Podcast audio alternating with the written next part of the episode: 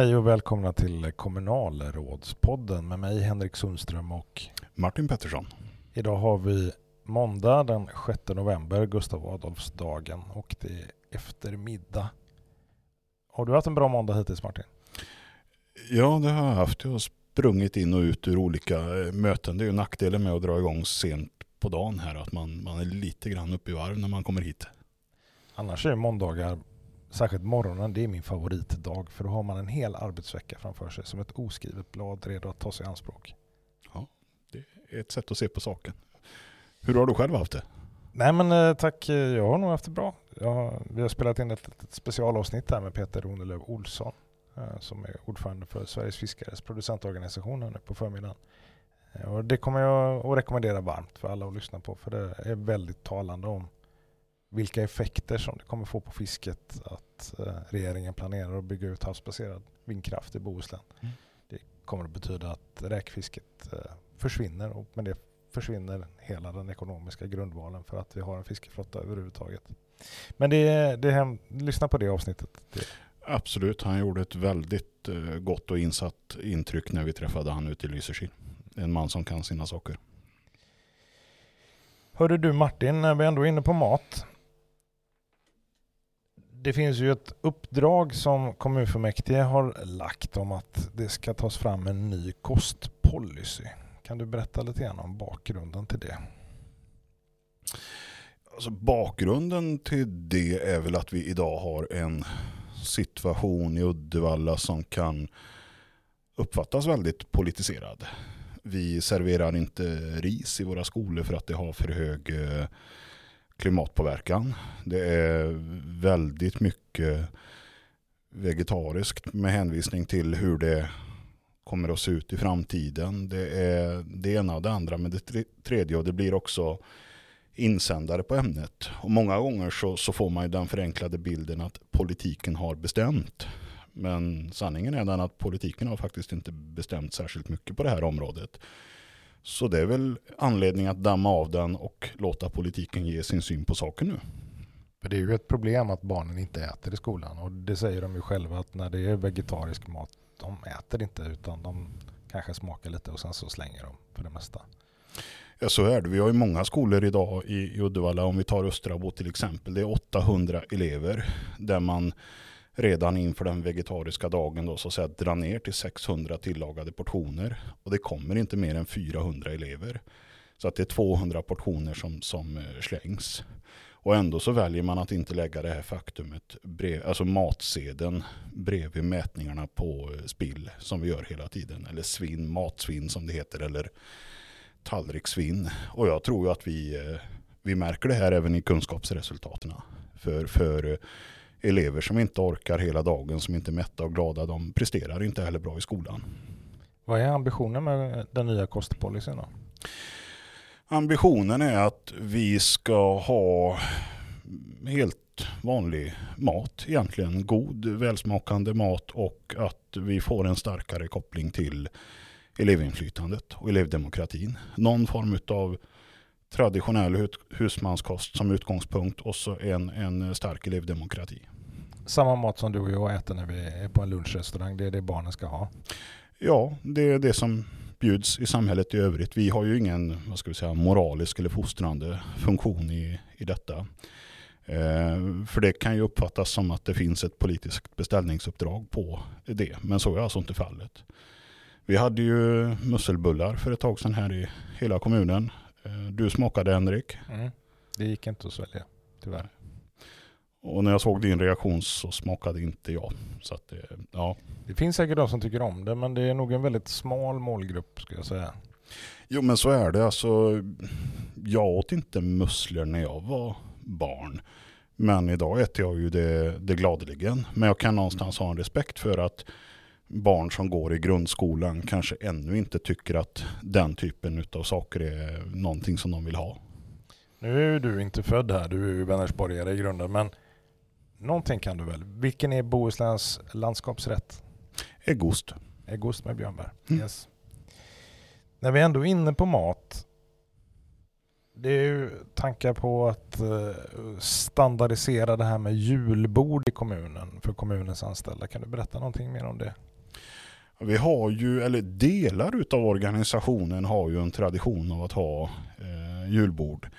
Eh, delar utav organisationen har det inte. Vi väljer ju att, att sätta det som en standard, precis som du säger, så att alla medarbetare i kommunen får ett erbjudande om att gå på julbord tillsammans med sina medarbetare. Och så har vi fått en, eh, ett inspel från den kommunala förvaltningen att det är väl inte alla verksamheter som har den möjligheten. Och då har vi sagt att då får det ju i ett sådant fall då erbjudas en jultallrik. Men utgångspunkten är ett julbord. Så det, det är någon slags, dels visa uppskattning men också att det, det faktiskt ska vara lika över hela kommunen. Så är det. Vi vill tacka våra medarbetare för ett väl genomfört verksamhetsår.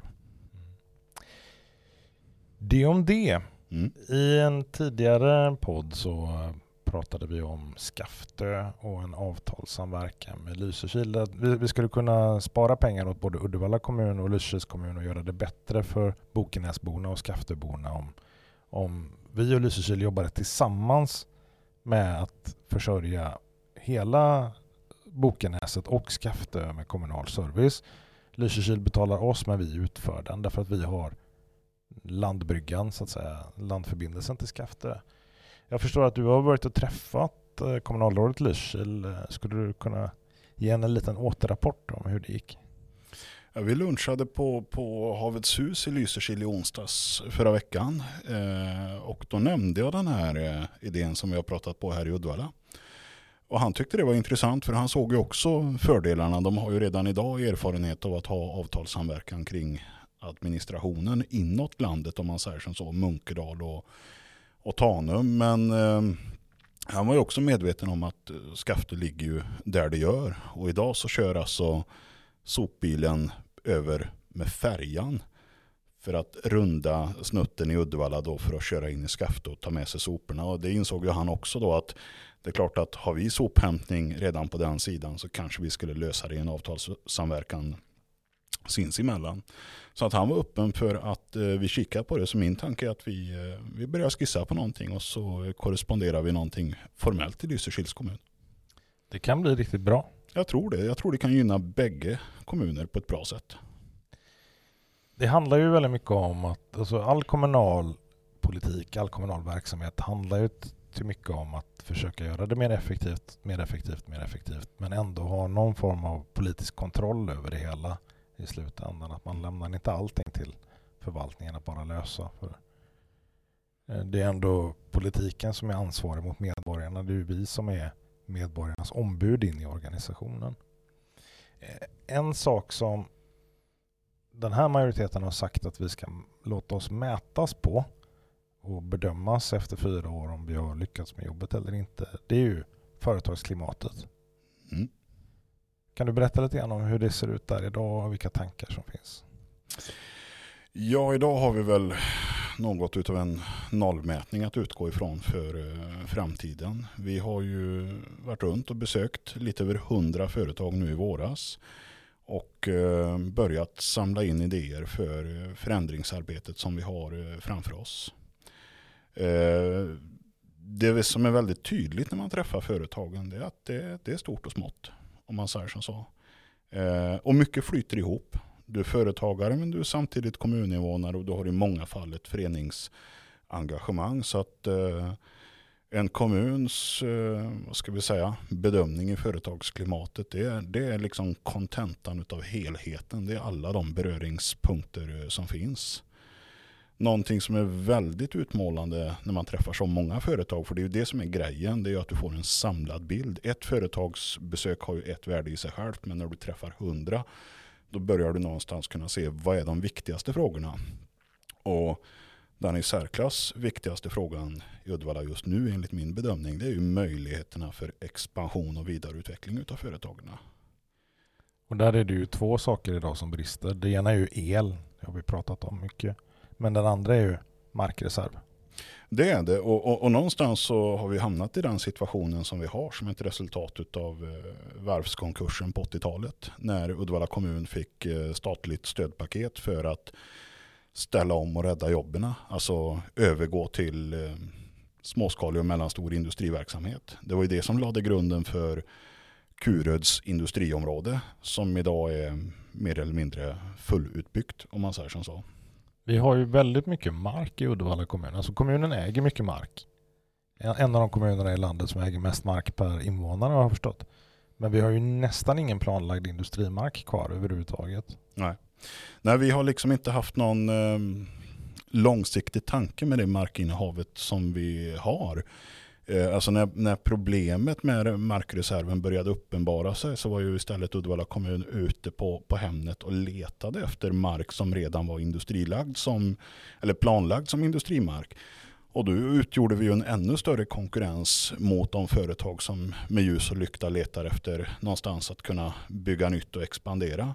Så att eh, vi skulle egentligen behöva planlägga ett ganska stort område för att skapa beredskapen för att möta den växande staden. Det finns ju ett eh, område som är på väg fram. Eh, det som bohuslänningen menar ligger vid Bjursjön men som i själva verket ligger vid Lillesjö. Mm. Och där är vi väl kanske beroende på hastighet någonstans 5-8 år bort. Kanske 10-15 innan hela det området är tillgängligt för exploatering och bebyggelse. Och det är väl redan idag i stort sett fulltecknat? Ja men så är det. Så är det med alla de markerna som vi eh, jobbar med. De, de, är sett till det behovet som föreligger så är vi väldigt otillräckliga. Vi, vi har eh, folk som står på kö och det blir liksom en kamp företagen emellan. Och det, det är ingen bra situation när kommunen ska avgöra vem som ska få en möjlighet till att vidareutvecklas i vår kommun och vem som ska behöva lämna till grannkommunen. Eh, det kräver, avkräver oss en absolut transparens i kring de här processerna och det har vi ju också med som ett styrkortsuppdrag som vi la i våras. För tidigare har det ju varit som så att politiken eller tjänstemännen har bestämt vem det är som ska få en viss typ av mark. Mm. Och, och det har man ju sagt politiskt att det är målet att det ska vara så därför att ja, det ska vara så. Därför att företagen ska kunna känna trygghet i bla bla bla. Jag, jag tror att det leder fel. Eh, det är ju som du säger, vi måste, den här processen måste ju vara transparent om medborgarna ska våga lita på att kommunen faktiskt är schysst. Ja, för, för så som, alltså annars så bygger ju allting på någon sorts subjektiv nåder eh, och, och, en misstro mot marknadens faktiska krafter. Vi har ju också, eller det är ju ett favoritämne för, hos mig, det här med kommunala redovisningsprinciper, men det, det, finns ju ytterligare ett styrkortsuppdrag som handlar om exploateringsbolag, liknande ett sånt som Trollhättan har haft i, i väldigt många decennier nu. Kan du berätta någonting mer om det? Ja, alltså det, det ska vi inte sticka under stolen eller hymla med utan det är ju just framgångssagan i Trollhättan som många kommuner försöker att ta efter. De har ju valt att, att höja sig och eh, bolagiserat hela sin, eh, ja, stora delar av sin fastighetsförvaltning vilket har medfört att de har kunnat rekrytera kompetens ifrån vad ska vi säga, motsvarande eller konkurrerande situationer och kunnat ha en helt annan typ av affärsmässighet runt omkring det. Och det har ju någonstans mynnat ut i, i, i det bolag som vi idag ser. Det som idag heter Kraftstaden vill jag minnas. Precis. En annan säger fortfarande Trollhättans Tomt AB som det hette en gång i tiden. Jag vet inte, det, det går aldrig ur liksom. Nej, ett tomt AB. Mm. Tomt AB. Du, eh, Just att Trollhättan hade det här exploateringsbolaget det är ju många som säger att det var ju det som gjorde att Trollhättan kunde vinna kampen om att få just högskolan. Den låg ju utspritt under, i fyra kommuner tidigare så skulle den samlas till en kommun och det var en himla fight kommunerna emellan. Och tack vare att Trollhättan kunde gå in med centralmark till ett väldigt bra pris så lyckades man samla hela Högskolan Väst i Trollhättan. Vilket jag tror är en fördel för Trollhättan men jag kan tänka mig att det är en fördel för oss alla egentligen att vi har en starkare högskola. Jo, men det är ju det jag menar med att man, att man, man vässar sig, man ökar professionaliteten. För att när vi bedriver den här typen av saker och ting i kommunal förvaltning så riskerar vi alltid att hamna i en situation där du och jag träter. Om vägen till lösningen inte är kortare än att vi går till vår gemensamma chef och så bestämmer denne då att du har fel och jag har rätt så, så är saken utagerad. Jag, jag tror att när du väljer att och, och bolagisera det då blir ju också vägen till den gemensamma ägaren väldigt, väldigt lång. Och det det, mynnar, eller så att säga, det, det bidrar ju till ett proffsigare partsförhållande mellan bolaget som äger och hyr ut och förvaltningen som, som hyr. En sista sak då, vi får väl se om det blir det, men eh, som jag tänkte vi skulle prata om idag. Vi har ju en situation idag där försörjningsstödet är på ganska låg nivå totalt sett i landet men vi ser ju att det kommer att öka. Däremot så avviker vi i Uddevalla väldigt mycket från snittet i riket. Och det är oroväckande. Ja, vi har ju sedan fyra år ungefär haft ungefär dubbelt så mycket medborgare som har levt på försörjningsstöd jämfört med rikets snitt. Och så har det inte varit tidigare utan tidigare har ju Uddevalla inte stuckit ut eh, på riksnivå när det gäller antalet personer på försörjningsstöd. Vad, vad finns det för målsättningar runt det här? Nu är målsättningen att vi ska komma ner under nivå för rikssnittet. Vi ska inte sticka ut och ska vi göra det så ska vi göra åt, det åt rätt håll så att säga. Sen så kan man ju spekulera i varför situationen är som den är. Jag, jag köper ju inte fullt ut att Uddevallas situation skulle vara så fruktansvärt unik från alla andra kommuner. I någon mening så är vi ju en centralort i Bohuslän rent inflyttningsmässigt. Men det är ju ingenting som står i paritet med det vi faktiskt ser i mätningarna. Nej, och det vi har gjort hittills är att det finns ett uppdrag som är lagt i arbetsmarknadsavdelningen att de ska jobba fram ett förslag till en handlingsplan för hur vi ska ta oss tillbaks till rikssnittet igen. Mm. Du sitter där också? I arbetsmarknads och integrationsutskottet, ja. Men det här, blir ju, det här är ju ett fullmäktigeuppdrag. Ja, det Så att det, det, kommer ju alla behöva ta i när det här väl kommer upp. Mm.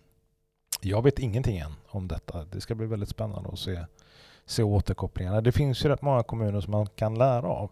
Solna, inte minst Växjö. Eh, många kommuner som har lyckats eh, med den här resan att gå ifrån väldigt hög andel försörjningsstödstagare till att nästan i princip komma ner mot noll. Du, noll kommer du aldrig till. Det finns ju alltid människor som av olika skäl, ja, narkotikamissbruk och annat, eh, uppbär försörjningsstöd. Men det finns ju egentligen ingen som helst anledning att arbetsföra människor eller människor som åtminstone har någon arbetsförmåga ska behöva finnas i försörjningsstödet. På samma sätt människor som egentligen borde vara kvalificerade för Försäkringskassan en sjuk människa ska inte behöva ha socialbidrag. Jag kommer ihåg när vi la det här uppdraget i, i våras när vi resonerade runt omkring det. Vi konstaterar ju att, att ligga rätt i det här avseendet det, det har ju ett egenvärde i sig självt. Men vi har ju också eh, genom hela antagandet av den strategiska planen haft någon form av insikt att den konjunkturen som vi befinner oss i kan ju faktiskt förändra sig under den här mandatperioden. Omvärlden säger ju att så är fallet. Finansministern som du och jag hade något sånt här teamsmöte med för en tid sedan, hon underströk ju också det, att 24-25 så kan det bli riktigt, riktigt tufft. Så att utöver att det finns ett egenvärde i sig självt så känns det som att det är en väldigt bra beredskap för en förändrad konjunktur. För det kan ju faktiskt hända att det det kommer att öka på försörjningsstödssidan. Och då är det desto viktigare att vi i ett tidigt skede börjar jobba med frågan. Precis.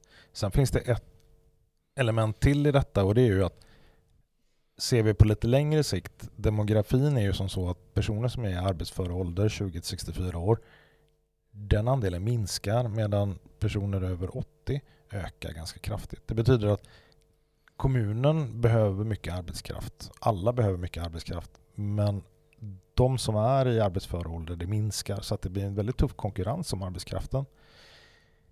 Ett sätt att lösa det, idag är det som så att 17 procent av medborgarna i Uddevalla kommun som är i arbetsför ålder försörjs av offentliga system. Det är försörjningsstöd, det är a-kassa, det är Försäkringskassan eh, och det är olika typer av eh, arbetsförmedlingsinsatser. 17 procent. Kan vi sänka det från 17 till 15 procent, då har vi löst mycket av problemet som rör tillgången på arbetskraft. Så att det, är win-win-win åt alla håll om vi kan jobba mycket hårdare med att få ut människor ur system in i arbetskraften. Helt klart. Hörni, tack för att ni har lyssnat på det här avsnittet idag. Som vanligt så vill vi gärna att ni ger, er tank, att ni ger era tankar och kommentarer till oss. Eh, antingen genom att kommentera i Facebookgruppen som vi har numera eller att ni mejlar till antingen Martin Martin.Pettersson med 2T och 2S snabla uddevalla.se. Eller mejla mig henrik.sundstrom uddevalla.se. Och så får ni ha en bra vecka tills vi hörs nästa gång. Tack för idag.